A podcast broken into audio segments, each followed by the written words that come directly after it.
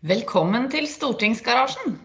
En podkast både for deg som er for eh, Superleague, det vil altså si en mann i Spania, eller om du er imot Superleague. Mitt navn er Geir Pollestad. Jeg er stortingsrepresentant for Senterpartiet. Og jeg er Wenche Westberg, politisk rådgiver for Senterpartiet. Det har vært en stund siden vi har vært i garasjen, men endelig er vi her i hver vår bil. Ja, det føles veldig, veldig godt. Det er nesten like godt som at det nå våres ute, at vi er back in business. Det vil jeg jo si at Her nede i stortingsgarasjen så er en eh, veldig veldig skåna for eh, årstidene. Det er mye likt, men en kan se det på om det kanskje dukker opp en og annen kabriolet. Og eh, at selv de ivrige av oss, av oss begynner å ta vekk vinterdekker med pigger på, da vet du at da er det vår i garasjen. Så det er veldig bra. Mm. Men Superleague-diskusjonen, har du engasjert deg? Jeg, jeg, jeg kjenner at det, er veldig sjelden at jeg er enig med Ståle Solbakken. Men i går så tenkte jeg at det var så deilig å høre noen som bare sa det rett fra levra. At det var liksom helt hjernedødt. Så så jeg, det er så dust at jeg kan ikke se for meg at det blir realisert. Det må jeg få si. Um, og i hvert fall hvis de nå kjører i vei med å kaste de ut, de som er igjen i Champions League, og trekke de ut av nasjonale ligaer og sånn, da blir det jo litt action.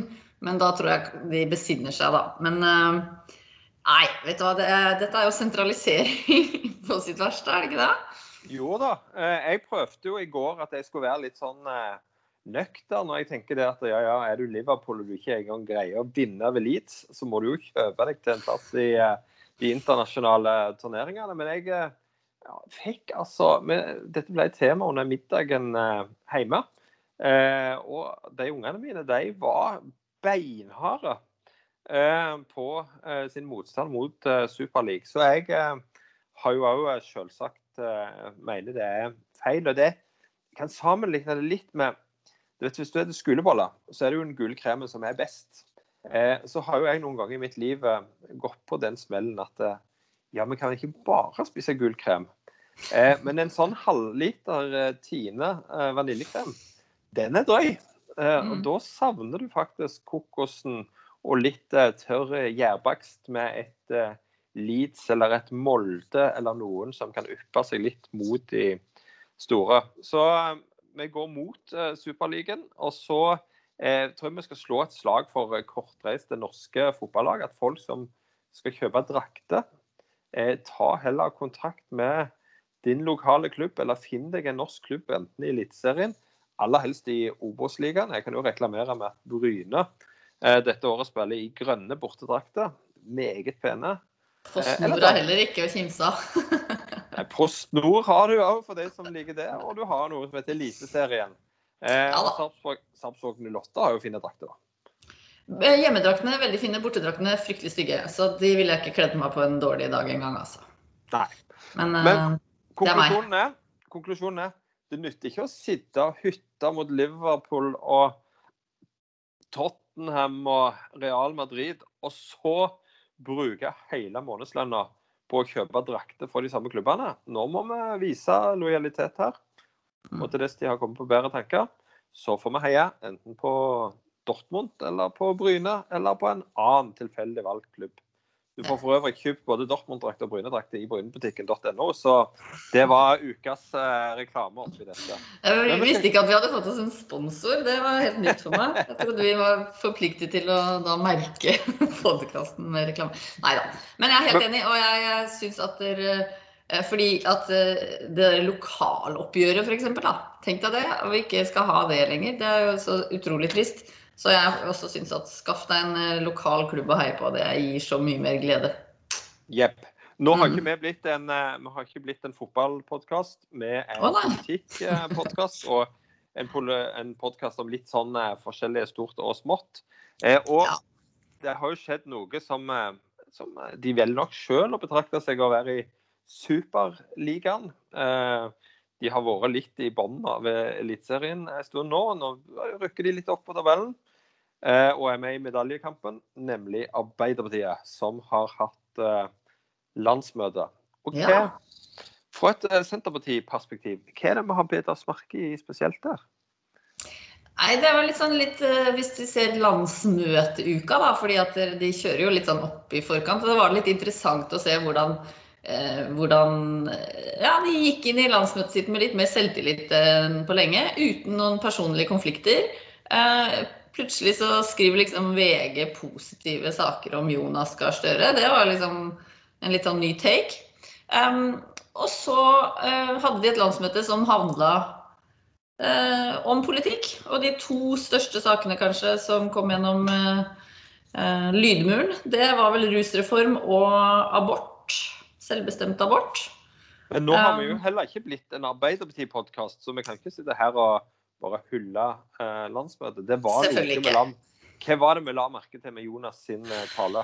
Ja, nei, jeg, jeg, I min feed da, på, i, så så jeg at det var mange med meg, og deg tror jeg òg, som ble litt, litt grann provosert over talen hans, som så ut som en blåkopi av Trygves veldig populære landsmøtetale på Hamar for to år siden. Der han satte seg ned liksom, med litt sånn oppretta armer og en kaffekopp og skulle snakke så folkelig. Men eh, det er nå ofte sånn at originalen er bedre enn kopien, og det syns jeg definitivt i dette tilfellet. Men der er det, jo, eh, det er jo, Jeg er jo glad for at vi begynner å bevege oss litt vekk fra den tida når landsmøtetaler var partiledere som kom med dempa lys i salen. En spot som fulgte de opp på scenen, og til tonene av denne AF and Tiger. Eh, sånn eh, Rocky-sangen, er det ikke det? det? Eh, litt sånn herlig pompøst og så 45 minutts dosering. Og jeg har jo vært med på at vi har hatt sittet i salen og hatt talen og liksom bestemt på forhånd når applausene skulle, skulle komme. Eh, jeg, jeg, tror jo at denne nye stilen med litt sånn å snakke litt mer om de nære ting og Jeg kunne jo funnet på noe annet enn å sitte på en krakk og holde på en kaffekopp. Det var jo ikke det, det er litt, litt lite oppfinnsomt av Jonas å, å, å, ta den. Eh, men jeg mener her har Trygve innført en ny stil for eh, landsmøtetaler. Og jeg eh, vil rett og slett si at han er politikkens Jan Boklöv. Han har innført en ny eh, og bedre stil. Og det at de andre nå tar etter han, det er bra. Og så håper jeg jo, for Senterpartiet sin del, at Trygve greier å, ha litt bedre progresjon for egen del enn det Jan Boklöv hadde. Ja, for han ble jo ikke best på sin egen hoppstil, den mannen? Nei, det er vel faktisk sånn at hvis en ja, det er nok faktisk sånn at den som eh, behersker eh, V-stilen dårligst eh, i hoppsporten gjennom tidene, det er Jan Boklov. Ja, han. ikke han der kråka fra Storbritannia, da? Hadde ikke han litt V-stil hva? Jo, men den tror jeg ikke var frivillig. Nei, han, det tror jeg ikke. Du tenker på Eddie the Eagle. Han er jo en uh, favoritt. Ja. ja. Men uh, hvis vi går videre på innholdet på Og det var mye, det var mye distrikt i Arbeiderpartiet. og det, det, må de òg få lov til, og det er vi uh, glad for. Men... Ja, det var jo Jonas også ærlig på, at de hadde fått en skikkelig smekk på fingrene i forrige valg fra de nordnorske velgerne. Så her måtte det bedring til. Og det tenker jeg at det, er jo bra med politikere som tar tilbakemelding fra folket. Så det er jo pluss i boka. Men da håper vi jo at smekken med, i form av at folk går over til Senterpartiet blir dobbelt så sterk neste gang i, i Nord-Norge og i distriktet. Sånn at da, Tenk hvor gode de blir da. Eh, da, da, nei, da det kommer til å gå helt eh, fantastisk. Og fraværet av skandaler var jo òg eh, veldig kjekt på Arbeiderpartiet sitt, eh, sitt landsmøte. Skjæran hadde tatt forspillet, eller nachspielet på, på, forskudd og var liksom ferdig med den biten. Og jeg tror de fleste lærte at Eh, fest på rommet, det skal en ikke ha når det er landsmøte i koronatid. Nei, det får vi tro at de styrte unna. Eh, men eh, ja, nei, det er Sånn sett så må det jo ha vært utrolig behagelig å ikke måtte bruke all tida på å svare opp helt andre ting de fikk jo snakke om politikk, og så er det jo uenigheter. Og de var jo ganske splitta i noen saker, og det er jo naturlig. Det, men så har man landsmøte, og så gjør man vedtak, og så har man jo landa det. Og da, da, da, kan man jo legge det bak seg. Og det tenker jeg at det, det, så lenge det er politisk uenighet, så er det jo litt lettere når det er sånne personkonflikter involvert. Jeg var såpass eh, spent på lørdagen at jeg logga meg inn eh, og fulgte den digitale avstemmingen på rusreformen på Arbeiderpartiet sitt eh, landsmøte. Og jeg må si, jeg, det, To ting. Eh, jeg er veldig glad for at det nå eh, er et flertall mot avkriminalisering av eh, rusreformen.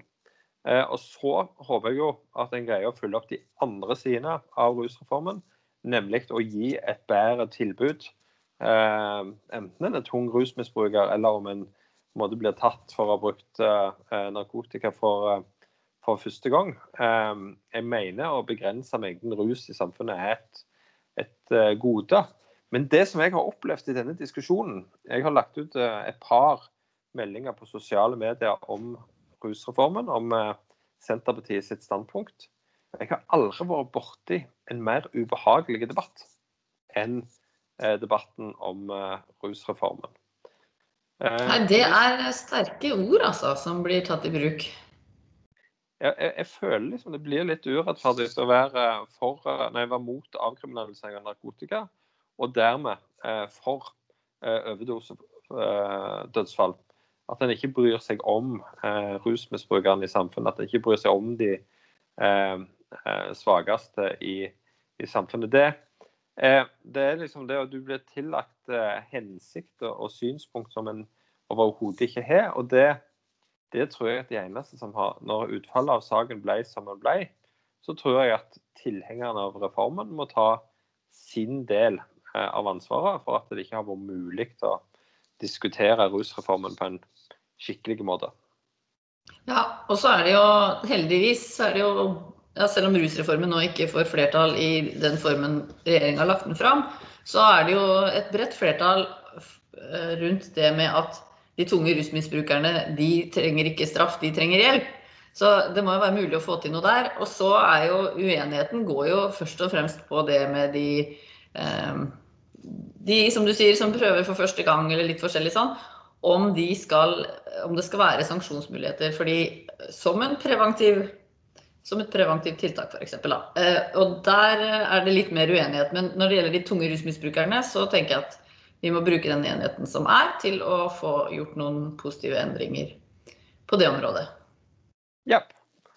Nei, men uh, siste ord er nok ikke sagt i uh, spørsmålet om uh, rusreformen. Vi håper jo at vi får en mer edruelig debatt der en eh, tror jeg tar utgangspunkt i det som er helt rett, nemlig at en, veldig mange ønsker eh, det samme. En mer eh, human behandling av rusmisbrukere.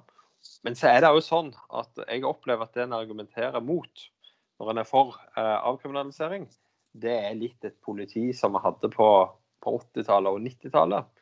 Og et syn på narkotika som en hadde på 80- og, og 90-tallet. Så det er jo eh, ja, det er en debatt som har kommet skjevt ut, men forhåpentligvis så klarer en nå eh, å få til enighet om hvordan en skal ta vare på eh, og gi et bedre hjelpetilbud. For der er nemlig rusreformen ikke god nok. Eh, og det må vi jobbe med videre. Mm. Skal vi gå, gå, videre til et annet tema som handler om eh, eh, beredskap. Og jeg tror vi skal starte først oppe i Bergen. Ja. Eh, vi skal snakke om noe så interessant som eh, båtmotorer. Og en fabrikk som produserer båtmotor, som Rolls-Royce eh, ønsket å selge. Og der kom det noen russere som skulle kjøpe den. Og der kunne det vel egentlig ha slutta, men det gjorde det definitivt ikke. For hva skjedde så? Nei, eh, definitivt. Og heldigvis, må jeg jo si. fordi at det, var i ferd med å gå under radaren. Og regjeringa syntes jo tydeligvis at det var helt greit at det gikk under radaren. Helt til um, Ifølge høringa i går, da, så, så, var det en anonym, ikke anonym, men de navnga vedkommende ikke, person som hadde tatt kontakt med Næringsdepartementet og sagt at her um, denne saken bør dere være obs på. Og så hadde det begynt å rulle en ball, så vidt det var. men Eh, så var det jo også sånn at det ble et eh, ganske sterkt press fra Stortinget for øvrig. Eh, og til å begynne med så var jo regjeringa veldig avvisende og sa at dette er helt ufarlig, og dette er ja, Frank Bakke-Jensen gikk vel kanskje lengst med å si sånn at Senterpartiet var imot det bare fordi vi ikke ville ha utenlandske eiere til noe som helst. Eh, men at vi, hvis vi med vårt eget oljefond skulle kjøpe opp andre bedrifter i utlandet, så måtte vi la utlendinger kjøpe opp ting i Norge. Så han hadde ingen betenkeligheter med det da. Og så rulla det og gikk, og det eh, ble vel klart at, at f.eks.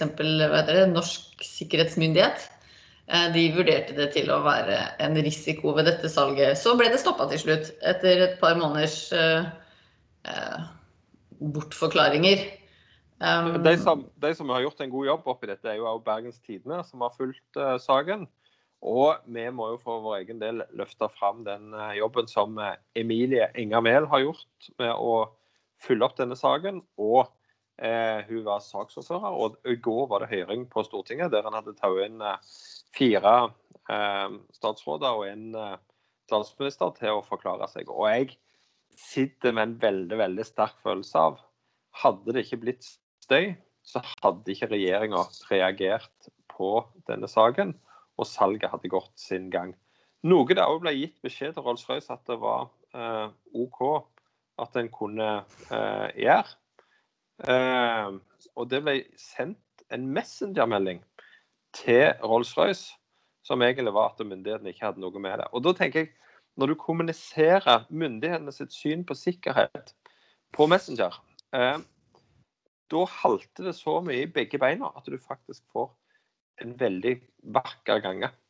Eh, og det er jo Han eh, Frank Bakke-Jensen syns jo jeg eh, Han inngir ikke tillit, altså. Han, han er eh, Han tar ikke disse tingene nok på, på alvor. Har ikke nok forståelse for uh, alvor i disse sakene. Så det er klart, denne saken er jo først og fremst et smekk på fingrene til han, men òg næringsminister Iselin Nybø. Hun er fra Venstre, så hun har jo liksom litt mindre forventninger til, til noen fra Venstre noen fra Høyre. Eh, sånn, jo, men sånn historisk så har han jo det.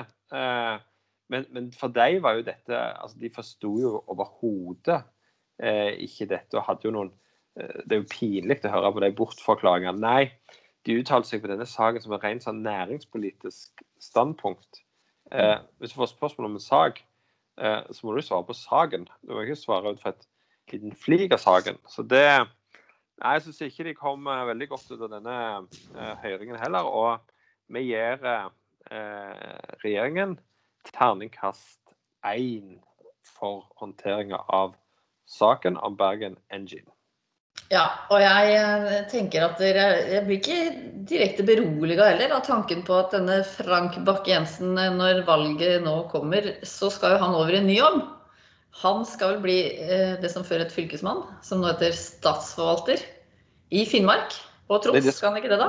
Nei, det skal han ikke. Skal han ikke det? Nei. Han var bare søker.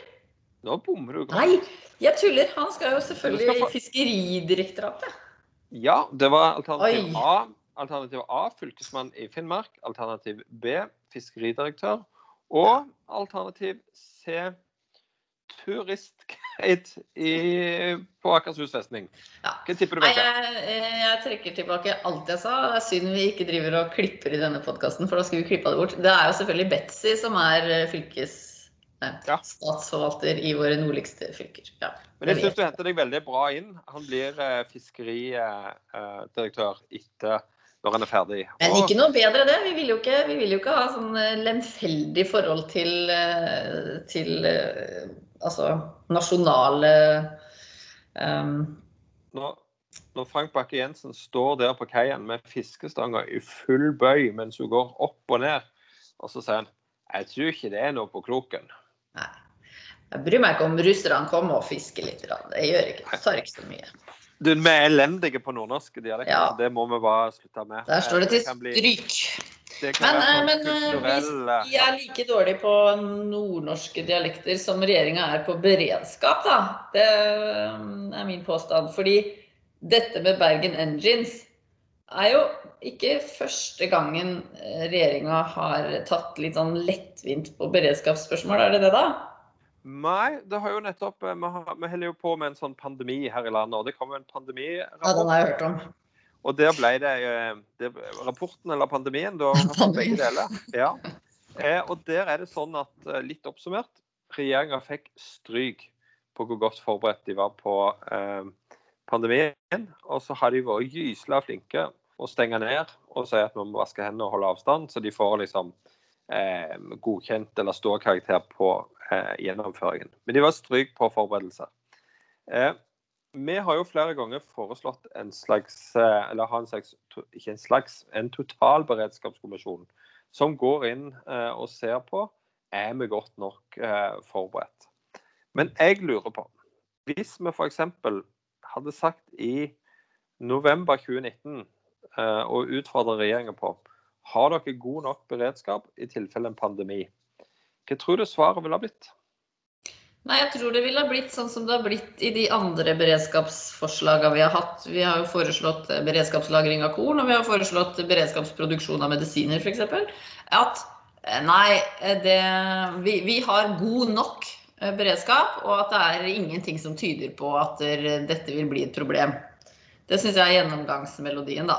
At, at det er ingen grunn til å bruke så mye energi på disse spørsmåla. Og det føler jeg vel at var det som ble avslørt i korona kommisjonen nå. Eh, og dette sitatet fra Erna Solberg om at vi var forberedt på en pandemi, men bare ikke på denne pandemien, det syns jeg er veldig sånn illustrerende. fordi at eh, og beredskapsarbeid handler jo om å være forberedt på det utenkelige. Og da kan du ikke bare forberede deg på noen type pandemier og ikke andre. Jeg vet ikke hvilken pandemi hun var forberedt på. da, Influensaen, en ordinær influensa, liksom. Men Eh, de, de, tar for lettvint på det. Og selvfølgelig så er det sånn at det, alt beredskapsarbeid er stort sett bare utgifter, og veldig, veldig, veldig sjelden at du får noe glede av det. Eh, men de fleste av oss velger jo å forsikre huset vårt selv om sjansen for at det skal brenne ned er minimal. Eh, så det, det å ikke ta beredskap på alvor, det syns jeg er, det er for svakt, altså. Men Eh, hvis en eh, ser på nødlager av mat, det har vi jo snakka litt om og sjekka ut litt. Så viser det seg jo at, eh, og dette var Næringsdepartementet ute med, de hadde hemmelige nød, nødlager av mat. Eh, og så viser det seg, hvis du regner om dette til energiinnhold, så er det altså mulig halv og ei rute melkesjokolade til hver av oss i eh, Norge. Eh, og for de mm. som har sett Kompani Lauritzen så kan du, de fikk, en, eh, de fikk en smil som skulle vare hele dagen. Eh, det er litt der som beredskapen er i Norge. At folk står med hånda ut, og så kommer det en smil eller ei rute melkesjokolade eh, tildelt. Og så har vi hatt diskusjon om dette med beredskapslagring av korn. der vi i Senterpartiet ønsker jo at det skal vi ha for seks måneder eller et år fram i tid. Men der har det vært mye kreative eh, unnskyldninger. Høyre mener at det har gått bra under koronaen, så ergo vil det gå bra under enhver situasjon. Eh, KrF de har jo skifta. Først hadde de flertall for dette.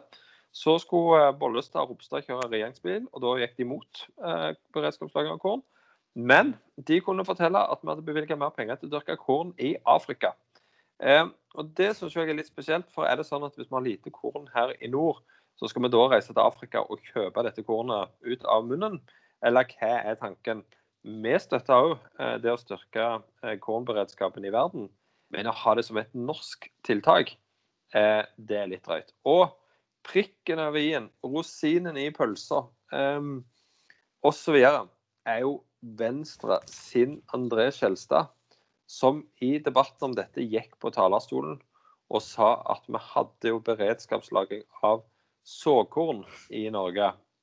Og i en nødsituasjon så kunne vi jo spise såkornet. Han sa det, altså. Ja, nei, det er, det, det er liksom noe med den derre uh, evolusjonslæren som Jeg tenker da at de menneskene som tenker at å spise settepotetene er kjempelurt, de overlever ikke lengden. Og der tror jeg han er farlig nær. Um, for det er jo en uh, ekstremt kortsiktig løsning i så fall. Um, og det er jo Jeg syns jo det er artig at de sier det høyt. For det at de tenker det, det har vi jo skjønt. Fordi de ikke er villige til å prioritere dette i det hele tatt. Men at de også sier det høyt, det er fascinerende. Og så blir jeg også eh, Jeg tenker at Jeg syns vi kan prøve å huske tilbake til 2013 og hva Erna gikk til valg på. En av hovedsakene hennes den gangen var jo at de skulle styrke beredskapsarbeidet i Norge. Og det de har gjort for å gjøre det, er vel stort sett denne fantastiske floppen av en politireform.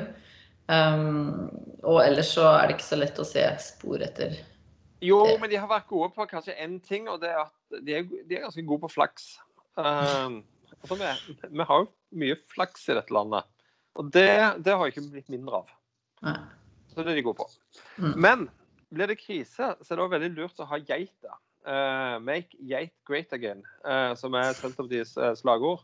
når vi nå har lagt fram et representantforslag om geiter som er til behandling i næringskomiteen, og som vi skal avgi vår innstilling på i dag.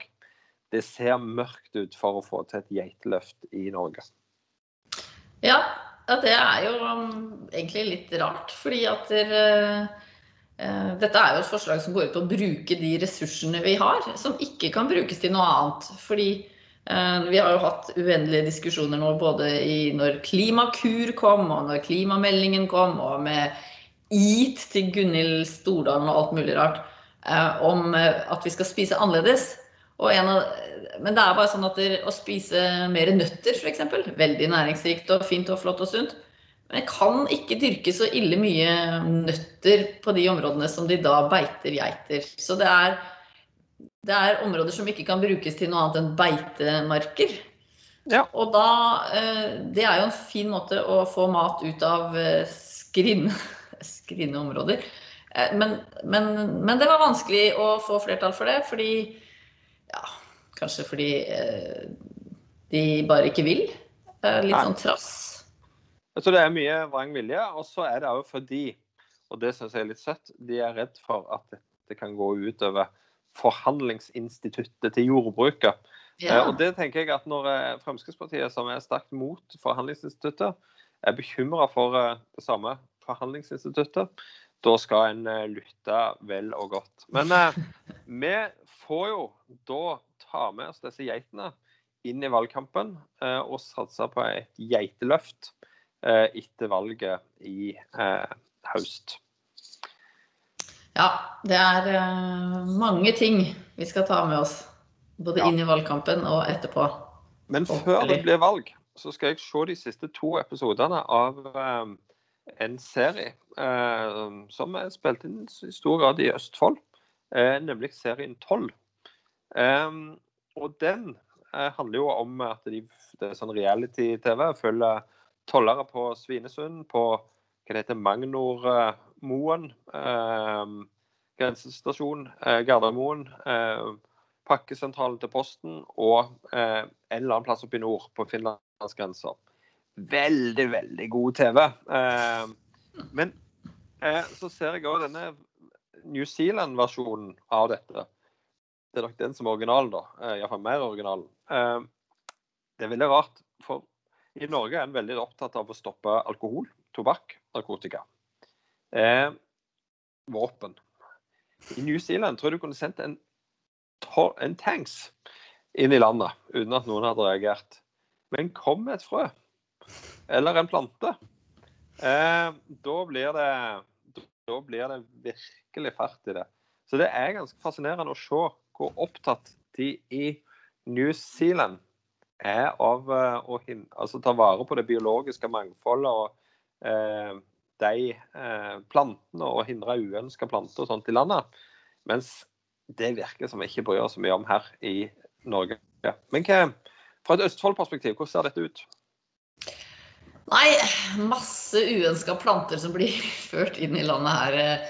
Vi har mer enn nok med de uønska dyreartene som kommer til landet, med villsvin. Men eh, jeg må jo tilstå at jeg har ikke sett så mye på denne serien. Eh, det er svakt, siden det er jo masse flotte folk der i uniform. Men, eh, men jeg er enig i at, at jeg, jeg har faktisk sett den originale, hvis det er den, da, fra New Zealand, der de liksom sabler ned sånne gamle damer som kommer fra Vietnam og har tatt med seg noe mat fra der de opprinnelig har vokst opp og gleda seg til å liksom innføre dette og vise det til barnebarna i New Zealand og sånn, og bare blir sendt på glattcelle omtrent. Um, og det tenker jeg at det, uh, Vi skal vel ikke helt dit, men, men, litt økt bevissthet rundt de spørsmåla hadde jo ikke gjort noe. Og uh, nå er jo planter og frø én ting. Men vi har jo snakka om det her før, tror jeg, det med Eh, med f.eks. Eh, turister og eh, trailersjåfører som har med seg mat fra utlandet, og som slenger fra seg det på rasteplassen, som kan inneholde bl.a. afrikansk svinepest, i verste fall. Og så har vi det plutselig i norsk natur. Så bevissthet rundt flere ting som kommer over grensa enn bare narkotika, våpen og alkohol, det hadde kanskje ikke vært så dumt. Men det, og det hadde jo vært enda mer gøy hvis de skulle stoppe villsvin og eh, andre ting. Eh, jeg, er, jeg, har blitt veldig veldig for tollkontroller etter å ha sett dette. Og så er det nok sånn at eh, originalen til dette programmet er nok eh, kanskje USA. Eh, der er det jo rimelig heftige, det òg. Du kan fylle eh, det går jo, jo timer. Det, det, er jo uendelig mange av disse sendingene. og de varer og varer og varer og blir liksom aldri ferdig. Men det er en ting som jeg har lurt litt på. Eh, og det er når disse tollerne på Svinesund da, eh, gjør beslag. Eh, hvis de stopper en bil, og det viser seg at der er det 10 kilo hasj, eller det er 60 000 sigaretter eller et eller annet, så klemmer de hverandre. Og de gir high five, og de jubler. Og de blir så glad. og det Jeg forstår jo veldig godt at de, de går på jobb med motivasjon, at de jakter. Eh, og når de da får fangst, så, så blir de glad. Eh, men er ikke dette litt provoserende, da? Jo, det er kanskje ikke nødvendig å gni det opp i ansiktet. og så vet jeg, Nå har ikke jeg sett på det, så jeg vet ikke om de gjør det liksom rett utafor eh, vinduet på bilen, eller om de gjør det inne på det undersøkelsesrommet der de sjekker biler litt nøyere. Men jeg tenker at det her er mye likt som lagidrett. De jobber som et team, og så vinner de kampen. Og da er det jo Det er jo mye high five og jubel og rulle rundt på gressmatta og sånn. Og jeg tror at alle de jeg kjenner som er tollere, de har drevet med idrett, eh, med lagidrett faktisk også, eh, ganske heftig. Så jeg tror de har tatt med seg den derre ja. vin, vinnegleden inn i jobben sin, rett og slett. Men jeg er jo eh, ja, det er enig, og de, de er det jo ikke framfor de som de stopper. Da bare smiler de, blir litt ivrig. Men det er inni denne kontrollhallen, og der er det jo alene. Det er jo det kameraet, det jo, da. Eh, ja, og det har de kanskje glemt, da. For vi har, de kameraene har vel vært der liksom i hundrevis av timer for å lage én liten episode. Og så jo, plutselig så men, glemmer man det, da. Men der er jeg veldig glad for at de ikke er så opptatt av det kameraet. fordi at eh, når Mira Craig var med på eh, Farmen Torpet, så var hun veldig opptatt av at folk hadde sagt ting når ikke kamera var der. og sånt. Så det ble veldig påtatt. Men nå var det en integrasjon. Jeg er glad for at ikke utrykningspolitiet eh, driver på med det samme. Du blir liksom vinkt inn til sides, og så ser du liksom high five og jubling. Eller vanlig politi, hvis de da fakker en, eh, ja, en ungdom som har stjålet i en butikk. At de liksom skal juble og eh, sånt. Det tror jeg hadde bare, det hadde bare gjort så vondt verre. Men altså, du skal ikke se bort ifra at UP, når du har kjørt ut igjen fra denne busslomma med det forelegget i lomma, at det er en bitte liten high five men de bare gjør det ikke så synlig. Jeg vet ikke. Nå skal jeg si det, at jeg har faktisk bare to ganger fått uh, Nei, to, tre ganger uh, fått fast bot. Uh, og det er faktisk de tre gangene jeg glemte meg litt av. så jeg har jo vært maks, maks uheldig. og den ene gangen det hadde jeg kjørt ja, det er ikke veldig for fort, men det var i en 40-sone, og så var det 1800 i bot. Subsidiert tre dagers fengsel. Eh, og jeg signerte og kjørte, og da sier det, hører jeg fort fra baksetet Far! Hva var det han politien sa om fengsel? så da, da, så de for seg at jeg skulle eh, inn og sone. Ja. ja. Men eh, det er jo bra hvis du bare har kjørt for fort tre ganger og fått bot alle tre gangene. Det er jo kjempekudos til UP. De har jo stålkontroll tydeligvis, så det er jo bare betryggende. Ja og her, her, en dag så ble vi frastjålet en sykkel i garasjen. Um, etter to dagers etterforskning så viste det seg at den var bare glemt igjen ei venninne. Så, ja. så, politiet har ganske god eh, Jeg vil jo si at jeg opplever jo nærpolitireformen for min egen del som at vi har et veldig godt og tilstedeværende politi. Ja. Så, ja. Det er bra. Nei. Da skal vi avslutte dagen med å gi kudos til alle i både UP, vanlig politi og tollvesenet for den jobben de gjør. Uh, high five til dem. Stå på videre.